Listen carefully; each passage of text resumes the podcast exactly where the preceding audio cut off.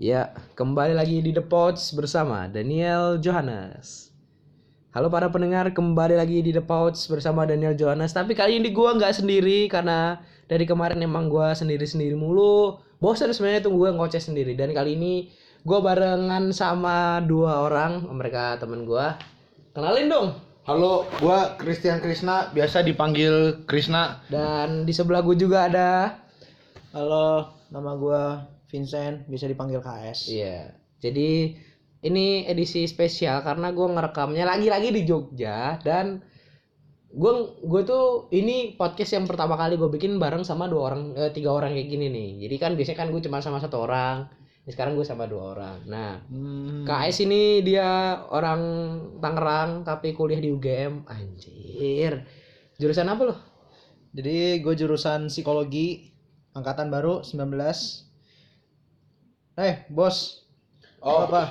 gua kalau gua di Universitas Diponegoro Semarang, Oh, ambil jurusan manajemen yang isinya cuma duit aja terus. Cuma duit ya. ya, di- Jadi lu manajemen itu ngitungin duit orang dong. Iya gitu duit orang triliunan kita kita manage ada resources kita bagaimana buat satu satu barang tuh resourcesnya dihitung panjang gitu. Kalau kata orang, lu ngapain sih ngitung duit banyak-banyak tapi duitnya orang? Ya itulah sakitnya kita anak ekonomi gitu mah. Berarti Iya, dan gua ngurusin ini orang-orang sakit ini ya. Iya. Kasihan ya uh, anak-anak manajemen kayak Krisna ini apa namanya dia tuh memiliki sesuatu yang fana kan bukan duit dia bro. Ya itulah nggak apa-apa lah. Ya nggak apa-apa ya kalian juga digaji gajinya gede-gede juga kak ya. Ya iya sih, tapi kan kita sebagai anak kuliah juga saling membutuhkan satu sama lain untuk mencapai kesuksesan dan mencapai kesuksesan bersama. Nah ngomong-ngomongin soal kuliah nih, Iya, orang kuliah kan pasti butuh teman lain nih buat ngebantu lu. iya. Nah lu pernah ngapain lu? Kalau gua kan pernah nih minta tolong temen gua, ah, tolong tipsenin gua, gua pernah. Nah kalau lu apa? Misalnya entah minta tolong beliin makan kek, entah eh, minjemin duit kek, ah, coba deh KS dulu deh, yang ekonominya mapan dulu deh. Ekonomi mah. Mapan deh anjing serius. Kaya banget. Iya ber- bertiga yang paling mapan emang. duit semua. Bacot. Jadi gini, Bo. Jadi gini, guys. Ya, apa yang gue lakuin itu kebanyakan demi angkatan sih. Demi angkatan. demi angkatan jadi kayak memang belum gitu sepenuhnya tapi ya gue sebisa mungkin gue ngelakuin lah yang apa gue bisa lah jadi contohnya beberapa kali kayak cari duit Oh, danusan gitu. ah berarti? danusan Oke. gue karena yang bertanggung jawab di urusan danus-danus itu Siap, mantap. jadi walaupun gue psikologi tapi otak gue tetap kayak ekonomi Wah, gila. Tapi emang KS ini pas zaman SMA dulu emang ekonominya bagus ya? Iya, sangat bagus. Barang-barangnya paling branded loh. Wah, wah. bangsat Iya. Dompet bape gitu. Ya, aduh. Aduh. Aduh. maaf ini kok jadinya kontennya sangat sampah ya Ria, ria, ria. tapi nggak selain cuma angkatan kadang-kadang gue selalu ngebantu yang berhubungan kalau yang berbeda yang berbeda lawan jenis eh maksudnya macet lawan jenis Jadi senayang lu. Ya. yang demi tayang-tayangan ya boleh lah gitu ya sama cewek kadang-kadang gue sering gue itu jujur gampang dipengaruh sama cewek-cewek Oh, oke. jadi kalau lu cewek-cewek oke, oke. ya yang pingin nge apa ya ngemanfaatin gua ya silakan gue bisa sekali dengan aka- dengan cara-cara kalian yang bikin gua baper gue bantu gua akan serba ini Gok. Gila, gila. Sakitnya gokil. Ih, sakit banget itu. Nah, Chris, lu lu eh, selama kuliah nih lu pernah kasih kontribusi apa gitu? Kalau gue sih kontribusi ya paling buat teman-teman ya biasa seperti di SMA dulu ya ngajarin paling Hmm. ngajarin teman terus habis itu gue pernah di satu tugas osjur ospek jurusan suruh foto angkatan Oh iya, gue suruh koordinasi foto angkatan Hah. Sorenya Hah? gue dicalonin jadi calon ketua angkatan gitu Wah, gila lu.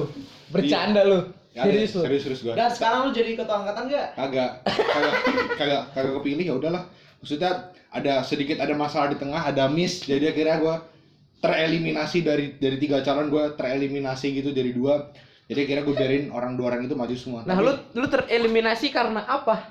eliminasi ya pertama sih karena biasa ya karena ortu kan kan Oh iya. kan kita apa apa kan selalu minta atasan Iya, ortu. paham, paham, paham. minta jurusan eh, minta konsultasi minta apa pun kan ada ortu juga Iya. nah karena stuck, udah stuck di situ udah coba segala cara dan udah nyampe Hmm. ya udah kira ya udah mundur akhirnya- nah katanya lagu Nah. aku mundur teratur lan alon alon Iya Allah.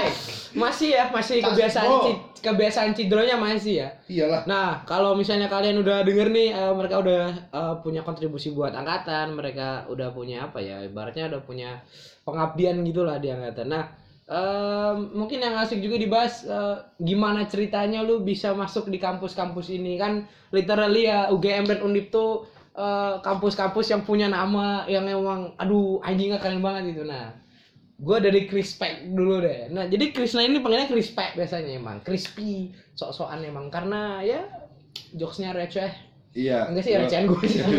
Gue recehan Lu gue. paling receh. Iya, gue paling receh bro sebenarnya. Nah, lu lu masuk Undip karena apa? Eh karena apa? Lewat jalur apa? Nah, kalau lewat masuk Undip tuh gue lewat jalur namanya International Undergraduate Program atau Oh, Atau- IUP. ya atau biasa orang lebih kenal dengan kelas internasional. Oke. Which is Ya kita ngomong gak which is which is juga sih maksudnya tetap biasa. Tapi di sana lebih ada tantangannya karena semuanya harus dikerjakan pakai bahasa Inggris dan hmm, kita ada advantage-nya lagi kalau setiap semua IUP bisa menyelenggarakan ada double degree Oke. atau kita bisa dap setengah kuliah di Indonesia dan menyelesaikan sisa di luar negeri itu sendiri. Oke. Dari itu sendiri, gue merasa bahwa atmosfernya atmosfer anak IUP dengan teman-teman gue yang non IUP atau yang biasa Mhm. Itu kayak bener-bener beda banget dari kakak apa dari si- kondisi belajar dari tempo belajar dari tempo persaingan dan situasi kelas itu jujur gue beda. Beda banget ya, Iya. anak IUP ya. Nah, kalau KS nih masuk UGM nih gimana ceritanya? Jadi gue masuk UGM itu apa ya lewat jalur perjuangan ya. Wow. Jadi perjuangan gue itu dari zaman SMA yang mana gue bener-bener ambis apa-apa gue harus perhatiin di kelas gitu-gitu dan demi ni- nilai bagus akhirnya gue memperjuangkan untuk mendapatkan SNMPTN. Oke. Dan lu keterima di sana berarti? Ya keterima. Lewat jalur. SNMPTN. Ya lewat jalur SNMPTN. Waduh. Begitu perjuangan gue. Anjir, tapi emang gokil abis sih. Eh, KS nih emang di gue nih pernah sekelas bareng Krisna sama KS nih pas gue kelas 2 tepatnya di kelas 11 sih PS2 nah eh, Krisna sama KS nih udah tiga tahun beruntun ya lu lu sekelas mulu ya tiga tahun beruntun ya Iya, gue sama kayak lu dari kelas 10 7 Ah. IPS 2 11 IPS 2 sama IPS 1. 11 IPS 1 ya kalau gue dulu sama Yohanes sama si Osa Osa dulu kan gue 10 1 Iya. IPS 2, IPS 3 itu sama OSA tuh dulu. Nah, kan yang kayak tadi Krisna bilang nih, wah, situasi lingkungan di IUP sama anak jalur lain kan beda kayak keakraban dan segala macam. Nah, Es, lu sebagai orang yang keterima di UGM dengan jalur SNMPTN, lu ada nggak eh, situasi yang kayak, ih ngapain temen sama dia, dia anak SNMPTN nih, atau mungkin kayak biasa-biasa aja gitu? Ini dari perspektif gue mengenai orang atau yang orang-orang menganggap apa orang-orang berperspektif kayak ngapain sih teman-teman sama anak-anak SNM gitu. Iya, Jujur kalau kayak untuk mendiskrimin mendiskriminasi kita nggak ada. oke. Oh, tapi kayak kita masih selalu ngebanding kayak biasanya lihat dari tingkat kepintaran. Biasanya orang eh apa ya stigma orang-orang itu kalau anak SNM itu orang-orangnya pintar-pintar. Pinter-pinter, bener. Tapi justru kebalik cuy. Hah? Lu kalau lihat tahu perbandingannya maksudnya orang-orang yang berjuang itu kebanyakan yang pintar-pintar ya kalau gue ya menurut gue itu adalah orang-orang mandiri yang lah jalur mandiri Oke. SBM Hah. baru SNM Oh, jadi Sumpah. jadi SNM itu orang yang geblok-geblok karena udah lama gak belajar jujur gue kadang banyak gue nggak bisa ngejar anak-anak SBM kebanyakan yang pintar-pintar itu juga anak-anak SBM anak-anak mandiri gitu cuy. Hmm. dan gue mengakui kayak emang ya gue nggak pintar-pintar banget. Jadi kayak orang yang masuk SNM itu sebenarnya ya hoki-hokian aja. Lu dapet apa lu dapet jatah di sekolah lu ya lu paling mungkin kebetulan nilai lu paling tinggi di situ yang ambil fakultas dan universitas ya udah lu ambil aja mesti keterima Maksudnya kalau keterima jatah ya? Luar biasa mantap banget. Nah, kalau tadi kayak gitu di lingkungannya KS nah. eh, Chris lu bisa jelasin lebih spesifik nggak lingkungan lu tuh kayak gimana gitu yang jadi eh, perbedaan nih sam- antara anak IUP sama anak jalur normal gitu. Lah kalau anak IUP sih kalau gue lihat lebih ke appearance maksudnya kayak gaya hidup, lebih ke lifestyle, appearance dan appearance luarnya sendiri. Ah. Kalau gue lihat kan ini gue kayak apa ya? Kayak pendapat subjektif juga jadi nggak bisa nggak bisa dijadiin acuan jadi bahwa anak IUP itu biasanya lebih hedon duit apa apa Oke. duit apa apa Ma- duit makan ya paling kelihatan makan. makan makan minimal kafe Wah, lu lu begitu juga nggak? enggak gua bahkan tetap burjo Oh, gokil. gokil. Gokil, gokil. Burjois. Warmindo, Warmindo, gua Warmindo. IUP jiwa burjo gitu karena murah Masih ada di Semarang emang. masih ada Hah? Serius lu? Banyak, banyak, banyak. daerah undi banyak Anjir. Kok enak sih? iyalah Di Malang nggak ada, Bro. Ya, sekarang mungkin gue tanya ke si ini sih, gue tanya ke Daniel. Oke. Tanya, Oke. Oke, oke. Jadi kan lu kan udah lama juga di Jogja kan yang mana Iya. kehidupan Burjo itu sangat mendalam buat kita kita Iya, ini. bener banget. Lu ju- jujur kita eh Krisna atau Crispy sama gua KS ini juga SMA-nya kan sama nih bertiga Iya. nih di Nah, Iya. di Brito Jogja Iya, yang mana Burjo itu jadi kayak lifestyle kita juga tempat Iya, nongkrong benar. dan tempat makan Benar. lu kalau di Malang gimana kan setahu gua Malang nggak ada Burjo nih Lu Memang. Kalau di Malang itu kan nggak ada Warmindo ya. Akhirnya gua mau nggak mau suka nggak suka gue tuh harus cari tongkrongan lain. Nah di Malang ini kebetulan tuh ada ada warung kopi Hmm. namanya pesan kopi. Nah pesan kopi ini murah bro kopinya. Jadi Ah. kopi itu jadi kopi yang creamy itu ceban harganya bro sepuluh ribu. Terus kan ada minuman yang pakai rasa atau enggak yang kayak ada rasa green tea, Ah, ah. ada taro, red velvet itu sepuluh ribu juga coy. Hmm. Nah, tapi kan maksud gua kan eh apa ya? Itu kan emang cuman buat tempat nongkrong ya, cuman kayak lu duduk, mesen minum, Iya. cerita bla bla bla, udah selesai. Nah, eh gue tuh kehilangan ini sih, kehilangan culture dari burjo itu sendiri sih. Lu kan Iya. tahu kan burjo itu kan nggak cuma nyediain bubur kacang hijau gitu. Ah. Maksudnya lu lu juga ada variasi menu dari Indomie itu sendiri kan. Terus juga ada yang kayak omelet, mie dok-dok, Ah. magelangan dan segala macem. Terus kan full meal gitu Iya ya. full meal banget itu. Nah kan di di Malang tuh gue boleh bilang agak susah sih. Ya akhirnya gue Ah. nongkrong di di warteg-warteg yang kayak ngejualin makan ya, Warung iya iya sih. Masuk Hmm. maksudnya emang warung nasi gitu. Jadi ya apa ya? Dan jadi alasan gue salah satu alasan gue buat pulang ke Jogja gue makan ke Burjo.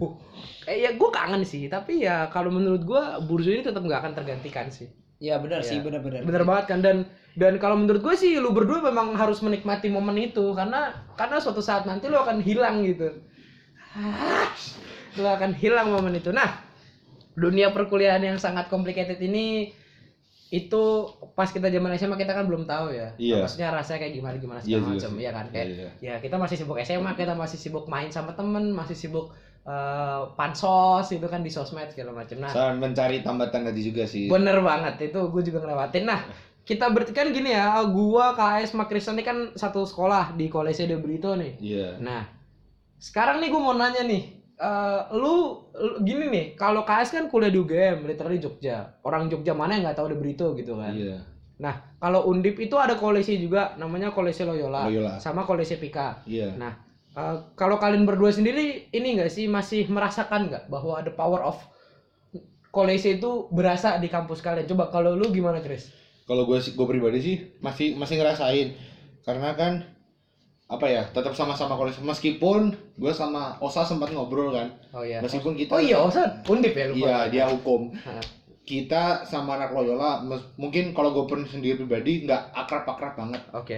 nggak akrab karena mungkin kita udah beda geografis beda budaya dan Bener, beda bener. beda beda beda segalanya juga sih Beda tongkrongan juga ya Iya, berarti beda ya. tongkrongan tapi biasa ya kalau di lapangan sendiri sih biasa kita tetap bergaul tetap berusaha bergaul Hmm. dan di sana juga gak cuma anak kanis gak cuma anak ini Loyola ada kanisius Oh, ada ada anak Gonzaga. CC juga. Ada Iya. ya. CC sama Gonzaga ya ada Oh, pokoknya ada lengkap juga ya berarti. iya Gila, enak juga berarti. Nah, kalau lu sendiri gimana, Es? Kalau gue sendiri ya, eh jujur kalau mungkin di psikologi sendiri kan gue nggak begitu banyak akrab di luar fakultas gue ya. Oke. Di psikologi sendiri yang mungkin anak-anak koleksi juga ada beberapa teman gue ada satu dari CC, Oh, ya. dari Kanisius Oke. Jakarta, terus ada satu lagi teman gue dari Loyola. Memang kebanyakan sih kalau koleksi memang dari Debrito di angkatan Oh gua iya. itu kan dua, ada satu nama teman gue namanya Lintang. Iya. Oh, itu jadi iya. teman deket gue juga. Emang kebetulan Hmm. gue dua kali sekelas juga pas SMA. Oh iya. Ah, tapi gimana pun juga kita apa ya? Gue jadi inget sama salah satu guru gua yang mana dia pernah ngomong kita sebagai anak di Brito itu anak kolese itu jangan cuma kita jangan sampai terjebak di dalam payung naungan nama JB doang. Oh iya, gue tahu, gue paham, gue paham. kan? Iya, Maksudnya, iya, iya. gini ya mungkin dari apa ya pengalaman gue banyak orang yang bers- banyak yang bilang kayak wah anjir anak di Brito nih mesti anak-anak pinter-pinter ambis kuy gini-gini Hmm. orangnya ramah sosial gini gini gini Ternyata dan memang maksudnya eh, stigma-stigma itu itu tidak apa ya tidak, semua semuanya. semua itu dipunyai oleh anak-anak di Brito bahkan nggak semua anak KWC seperti itu ya setuju. jujur kayak gue sendiri mungkin gue nggak begitu banyak gaul sama teman-teman di JB juga Hmm. dan memang gue beberapa kali kayak hang ketemuan sama anak di Brito juga belum tentu gue langsung akrab gitu loh Iya. hanya beberapa doang tapi ya gue berusaha tetap akrab sih lumayan Tetap lah akrab ya. nggak parah-parah banget tapi Iya. ya itu gue bagaimanapun juga gue berusaha untuk melepas dari stigma yang itu loh nah, apa terjebak di dalam nama De Brito itu Hmm. yang mana orang kadang-kadang kan kalau kayak mereka berstip orang berperspektif gitu orang-orang lain berperspektif kalau anak-anak kolesnya kayak gini-gini gitu Iya, setuju gue. dan mereka berharap kita anak-anak koles ini lebih perform performanya lebih gitu loh Iya. dari mungkin nggak cuma dari eh, secara visi apa dari apa sih kayak dari akademik tapi juga dari non akademik dari Iya. ting- apa cara bersosial segala macam Mhm. dan ya gue sebagai anak kolese juga ya itu jadi tantangan gue maksudnya untuk jadi apa ya eh gue bisa pingin kayak melebihi dari mereka gitu loh. Jujur Oke, di iya, anak-anak UGM itu orangnya hebat-hebat juga. Wah, jelas. orang-orangnya gue kira kayak cuma ya paling cuma cuma anak-anak ya beberapa anak negeri yang hebat-hebat. Ternyata Iya. enggak semuanya di sini orangnya sangat Gila berkompetitif. maksudnya sangat berkompetensi. Hebat-hebat orangnya. Keren-keren jujur berarti dan ya. gue dan gue merasa sebagai orang kolej yang harusnya punya stigma lebih bagus daripada mereka gue merasa kayak tersaingi juga. Oh. dan gue ya menerima memang mereka hebat-hebat tapi gimana pun juga ya mungkin yang membedakan lagi anak kolese dan ini kita itu punya jiwa solidaritas gitu loh ah, ibaratnya setuju gue. solidaritas dan itu yang gue pingin tegu, pingin gue teguhkan gitu loh Hmm. yang gue pingin kuatin Gila. Ah, apalagi ya dan ini sih paling jiwa compassion sih Wah, Gua. itu penting banget penting sih banget karena gua. banyak kan stigma ya anak kuliah itu kan mulai mulai individualis ya Iya. jujur gua kadang-kadang Iya. individualis tapi bagaimanapun juga kita sebagai yang pun kita sebagai hidup yang di dunia sosial ini mesti juga dituntut bagaimana kita bisa berinteraksi dengan orang agar kita juga terbutuh kebut, kebutuhan sosial kita terpenuhi dan juga ya secara individu kita terpenuhi juga toh Hmm, gila. makanya itu makanya itu kita sebagai anak apa ya gue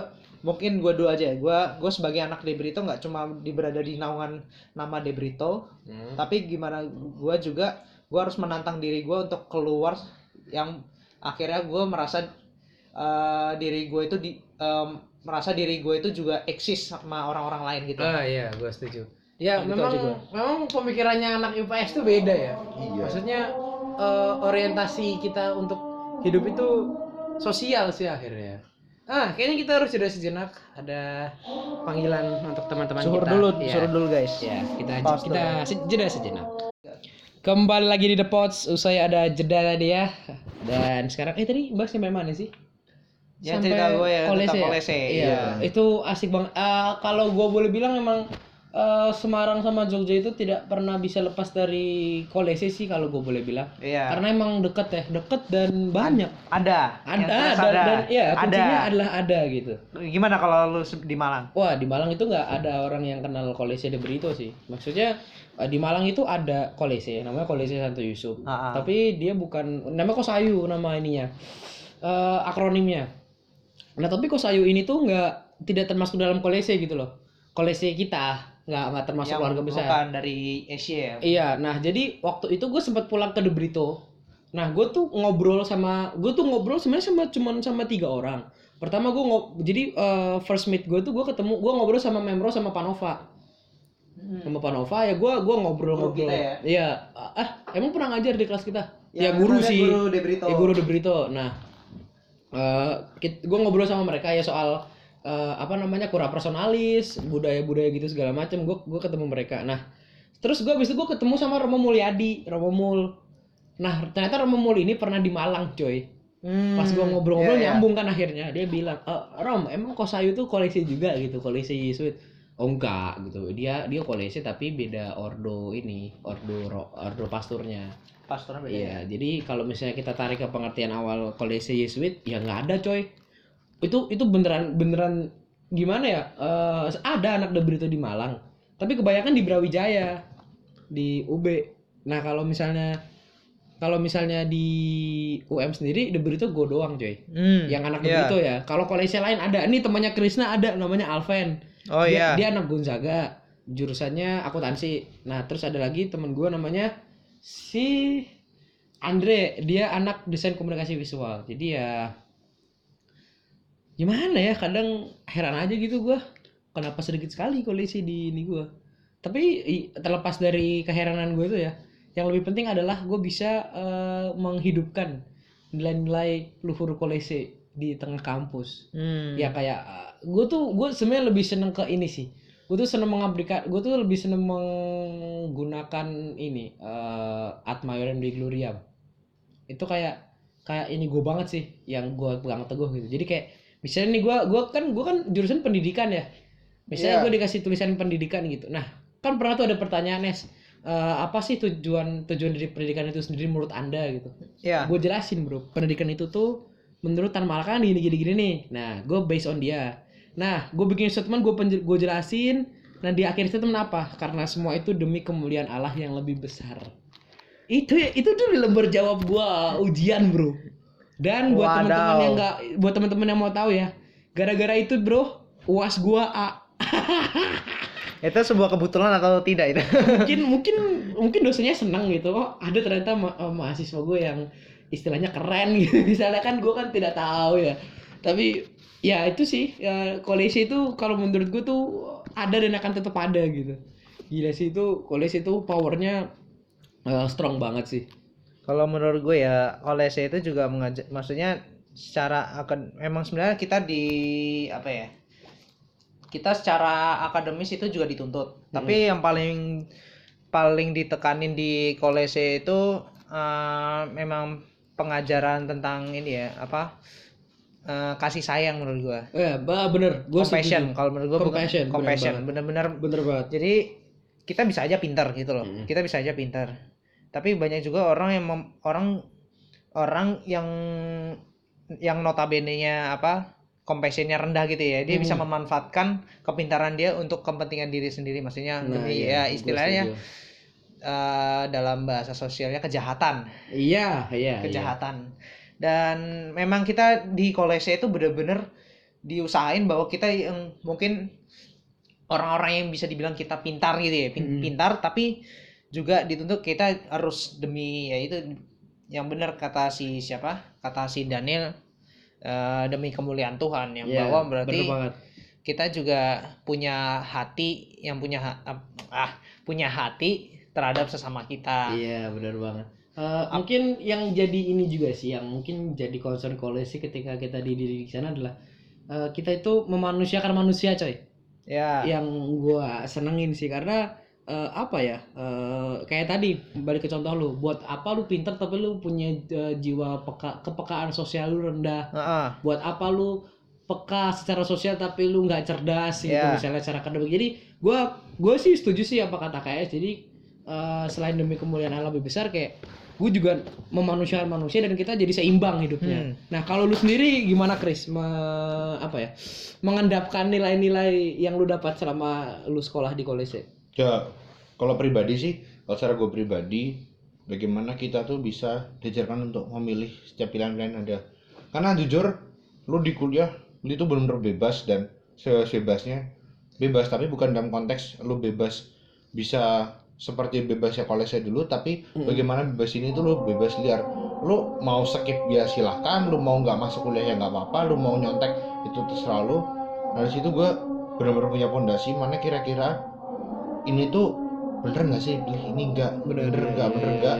Jadi kira-kira udah ada tuntunan base nya soalnya kalau nggak hati-hati di dunia kuliah ya lu bisa jatuh. Karena dunia kuliah tuh nggak seindah kalau kata orang sih nggak seindah di sinetron sinetron Iya. TV gitu Gue setuju. setuju. Karena dunia kuliah itu bener kompleks lu ngadepin orang yang berbeda. Dari lu ngadepin semua cowok ngadepin semua cewek cowok cewek dengan pribadi yang berbeda dan dengan segala macam dinamikanya. Hmm, gue setuju Ya. banget. Oh Udah, udah, udah. udah. Nah, eh gini nih, kita kan lepas dari kolese yang notabene homogen ya, yang cowok Iya. semua gini. Nah, eh, lu pernah nggak ngalamin kayak semacam culture lag gitu? Kan pasti beda dong. Maksud gua kan kalau lu ke kuliah, lu kan eh, akan bertemu dengan lingkungan dengan hetero hetero apa? Heterogenitas. Eh itu yang sangat gede banget kan. Karena Iya. kan kita kan tahu ya kolesi kita tuh tiga angkatan berturut-turut aja kan cowok semua. Nah, kalau sempet ngalamin culture lag itu nggak? Coba es, lu gimana rasanya?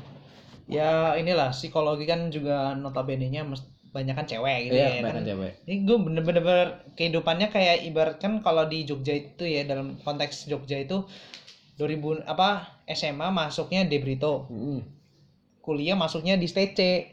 Yang mana yang mana STC ini adalah sekolah isinya cewek semua dan bener Iya. emang rasanya bener kayak kayak lu ngerasain deh eh bayangin deh di dalam kelas lu da- 60 siswa eh dalam 60 mahasiswa Hmm. itu yang laki-laki itu cuma 12 Hah? Iya, yang laki-laki cuma 12, sedangkan sisanya itu perempuan. Buset. Dan itu termasuk yang mending kelas gua, ada yang kelas lain itu kayak cowoknya itu cuma 5 atau 6 gitu. Hah? Uh, iya, jadi kebut emang beruntung sih kelas gua masih banyak cowok. Dan apa ya?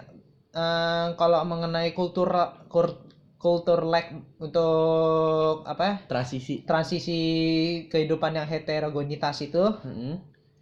eh ya karena gue udah un- udah apa ya udah mempersiapkan eh, stigma stigma bahwa psikologi bukan stigma sih lebih tepatnya yaitu Penilaian sih pen- mungkin. ya. apa Pandangan. pandangan Eh, psikologi itu kebanyakan isinya cewek semua dan gue udah bisa menghadapi karena kebetulan gue juga suka berinteraksi dengan perempuan ya Ya. suka berinteraksi dengan perempuan jadi kayak oke gue bisa menghadapinya ya jujur kalau culture lag apalagi ya oh mungkin ini sih yang mana? guyon gitu? waton Hah? bercanda ber- bercanda Bercanda bercanda kelewatan gitu Heeh. eh, susah banget di psikologi Oh, ya karena bisa ya? Karena cewek semua. iya Eh, psikologi karena, banyak ceweknya. kebanyakan cewek dan cewek itu kan juga orangnya lebih berhati-hati dalam Oh iya, benar. Lebih lebih peka mungkin ya Uh, sama kalau hal-hal. dengan hal-hal yang bercanda-bercanda mereka akan lebih hati-hati. Maksudnya Mm-mm.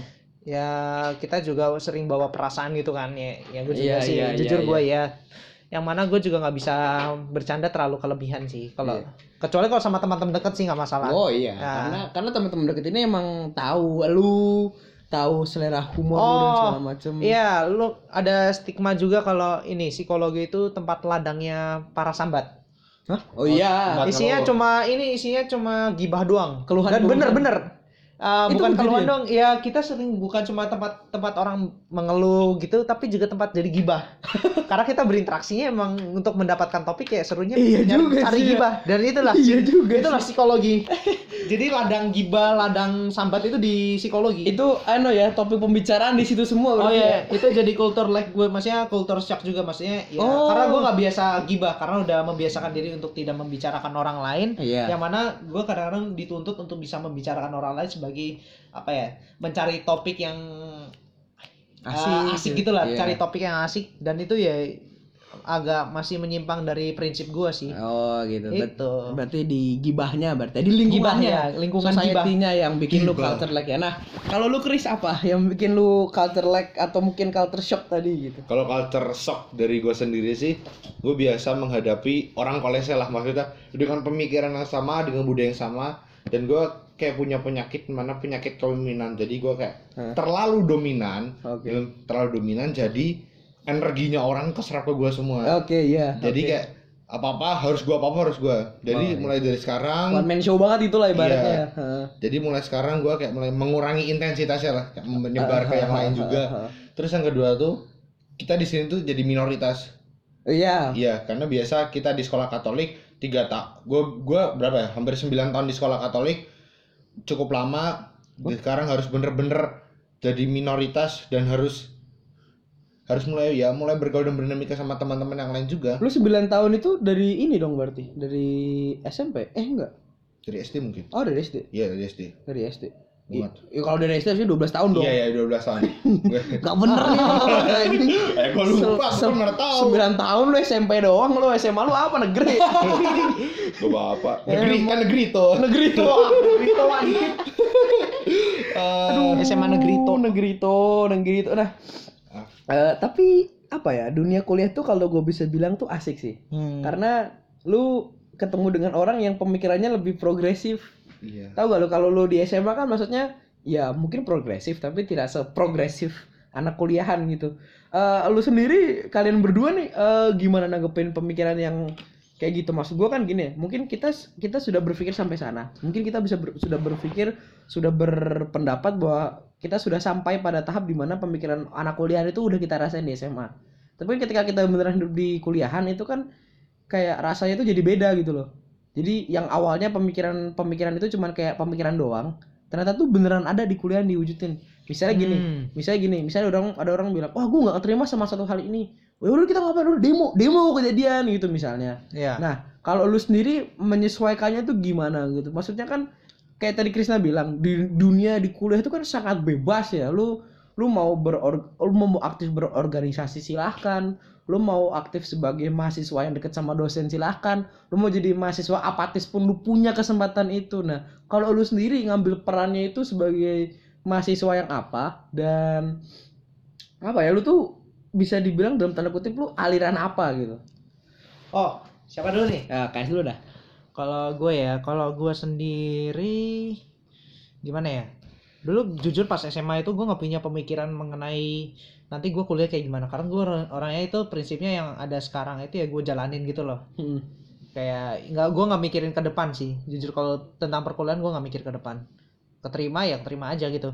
Dan mungkin yang pertama kali gue karena kan gue dasarnya gini prinsip gue untuk kuliah itu adalah menambah jaringan. Iya, setuju. Jadi nggak cuma lu menambah ilmu tapi eh, gimana eh, eh, tempat kuliah ini jadi sumber ladang lu menambah menambah jaringan-jaringan. Hmm. Itu karena gua didapat pas itu dari eh, cerita-cerita alumni psikologi game juga pas gua kebetulan ketemu di di pesawat gitu ya kursi Iya. sebangku gitu dia cerita-cerita Oh. kayak sebisa mungkin kamu dapat jaringan nak Nah, biar kamu dapat Punya ya kamu channel ya kamu gitu punya channel gim- kamu juga nanti kerja nggak akan eh, merasa keribetan ya untuk Iya. mencari kerja Hmm, berarti lu uh, selama kuliah ini punya apa ya? Punya pedoman bahwa ketika Iya. lu kuliah lu tidak hanya terdasar akademik tapi lu punya Jaringan. jaringan dan relasi yang luas ya. dan Nah, apalagi apalagi. Oh masih lanjut ya sorry ini lanjut ya makanya pas awal-awal gue pertama kali masuk itu gue coba untuk ya pertama menambah relasi teman gitu Iya. ya. Ya, dengan cara-cara ya gue dulu mungkin SKSD lah istilahnya Iya. Eh, dan itu berhasil maksudnya gue menambah nama tem maksudnya menambah orang yang gue kenal gitu loh Hmm. gue kenal dia kenal gue juga tapi ya gimana ya ternyata pertemanan itu bukan jadi sum dan gue bersadar pertemanan itu ini mungkin dari pandangan gue sendiri ya Iya. Tem- pertemanan itu belum tentu jadi sum- sumber ladang untuk menambah jaringan Iya. Yang mana notabene kan orang kuliah itu cuma fokus untuk kuliah kebanyakan Iya, benar. Uh, dan gue masih kejebak di dalam maksudnya hal-hal yang yang jaringan jaringan yang bukan untuk membangunkan apa ya membangunkan jaringan tapi lebih tepatnya ya hanya sekedar ya kayak zaman gue SMA dulu yang penting Hmm.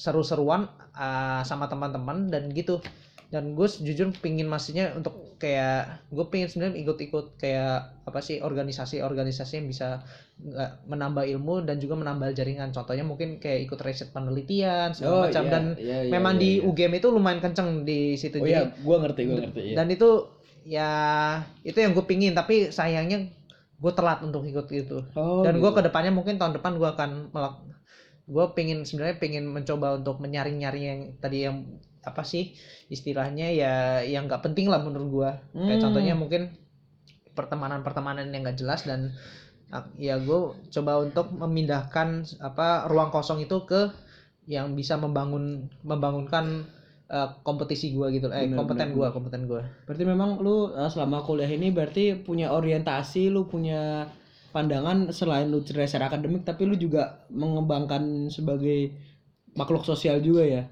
Pinginnya sih begitu ya ya Ya, kita doakan semoga terjadi ya karena tahun baru Ah, semoga ada amin, apa amin. asis yang terbaik. Nah, Chris, kalau lu sendiri di kampus kayak gimana? Maksudnya kayak gue tadi bilang kayak lu tuh eh, mahasiswa aliran apa, golongan apa gitu.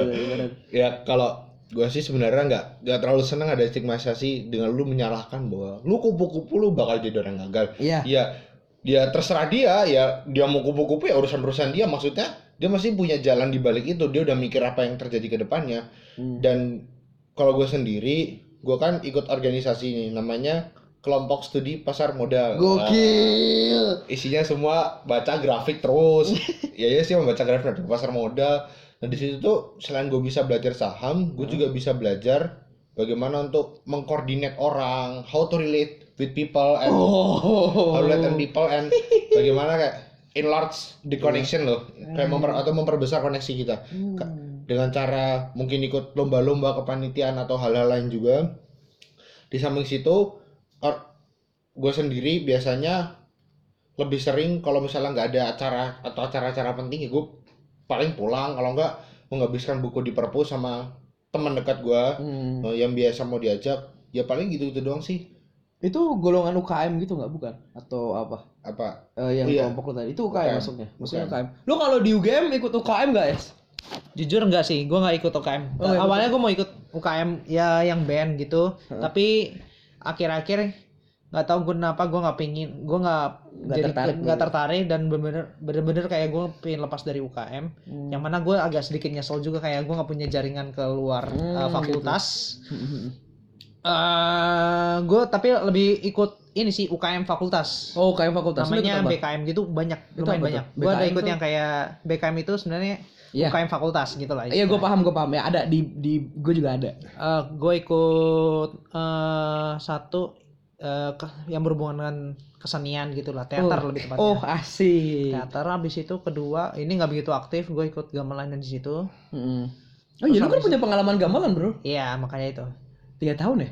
Ah tiga tahun. Buset, tiga tahun. Terus habis itu ini sebenarnya bukan masuk BEM tapi namanya mirip-mirip kayak BEM tapi bukan badan eksekutif. Mm. Namanya lembaga mahasiswa. Oh, Karena di lembaga kita mahasiswa. itu nggak ada nggak ada BEM.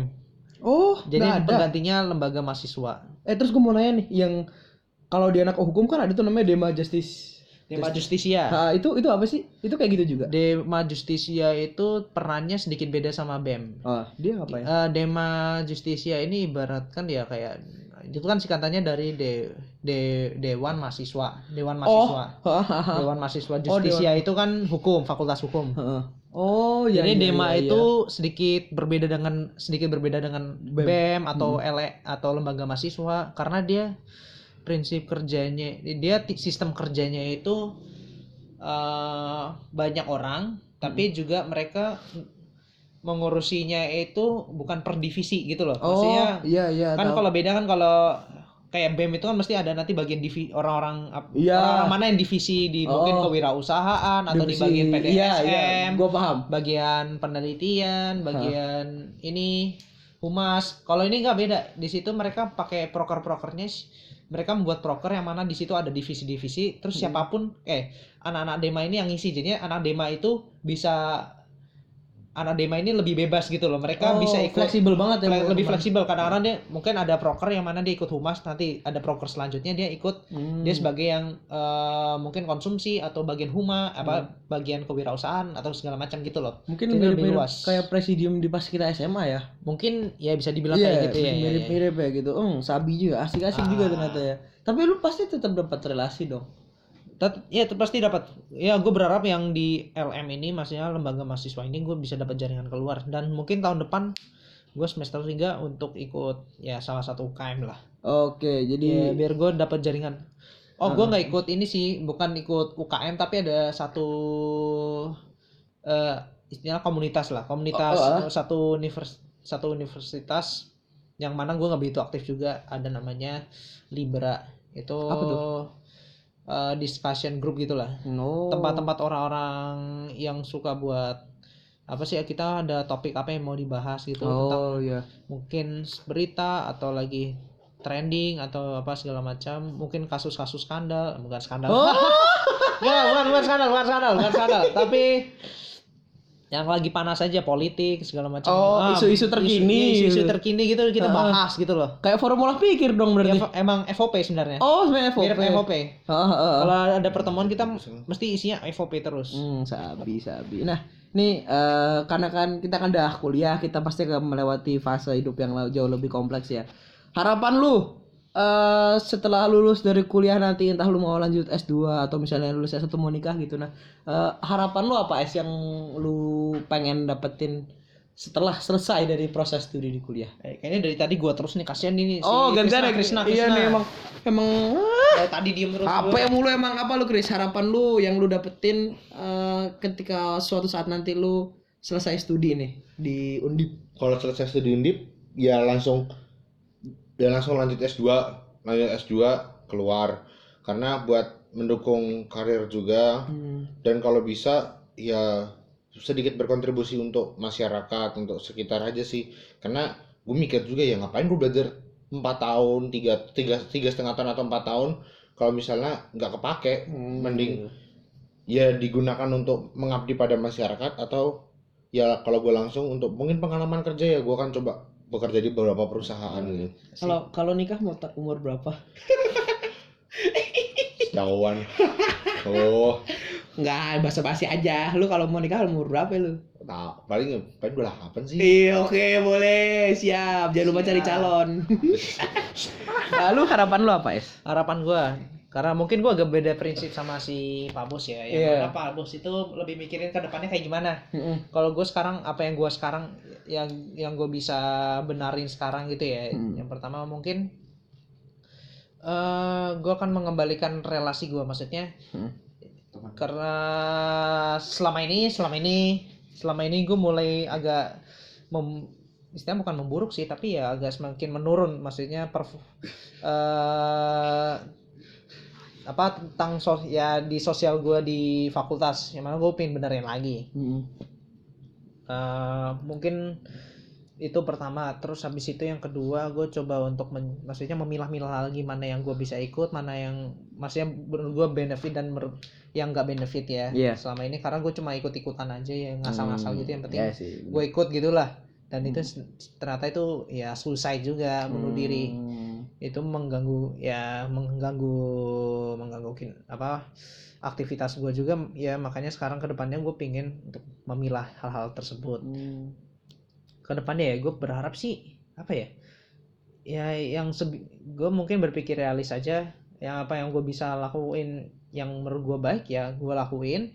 Selama ya sejauh eh, secara kompeten gue bisa sejauh secara maksudnya secara fisik gue juga bisa Oke. tapi juga secara mental gue juga bisa gitu loh Mantap. jadi kayak kalau mikirin kayak gue pengen mengabdi sosi mengabdi kepada masyarakat gue masih mikir lagi maksudnya Nggak- eh, apakah sejauh ini gue maksudnya gue kuat atau enggak gitu loh Iya, iya, gua kalau selama gue kuat ya udah gue ngelakuin karena Hmm. selama ini gue juga mikir gitu tapi kalau gue nggak kuat ya gue nggak bisa memaksakan diri Iya, gue setuju, setuju, setuju. gue bisa maksudnya bisa memberikan man- eh, memberikan kesempatan ke orang lain aja gitu loh Eh, berarti kayak ini ya ibaratnya kalau bahasanya anak ekonomi analisis SPOT-nya diperbaiki dulu berarti. Yoi. ya. Iya gila. Nih mungkin pertanyaan beda nih sama Krisna nih. Kalau Krisna kan tadi gue nanyanya kan mau nikah umur berapa? Lu mau nikah apa kagak? Aduh, tahu aja Iya. gue masih mikir sih kayak nikah beratin gue juga sih kayak Oh gila nih. apa ya kadang-kadang gue masih mikir lagi sih Hmm, Karena- soalnya jujur gue masih susah dapet cewek Berarti emang untuk waktu ini memang fokus dulu sama studi ya. fokus di kuliah Iya. Dan buat para pendengar terima kasih udah dengerin The Pods. Sampai jumpa di podcast selanjutnya dan jangan lupa buat follow Instagram dari KS di Instagramnya apa S? perlu nih Iya dong. Vincentius underscore KS Dan follow juga Chris Nadi. Chris Crispy Ya, terima kasih buat para pendengar dan sampai jumpa di podcast selanjutnya. Dadah.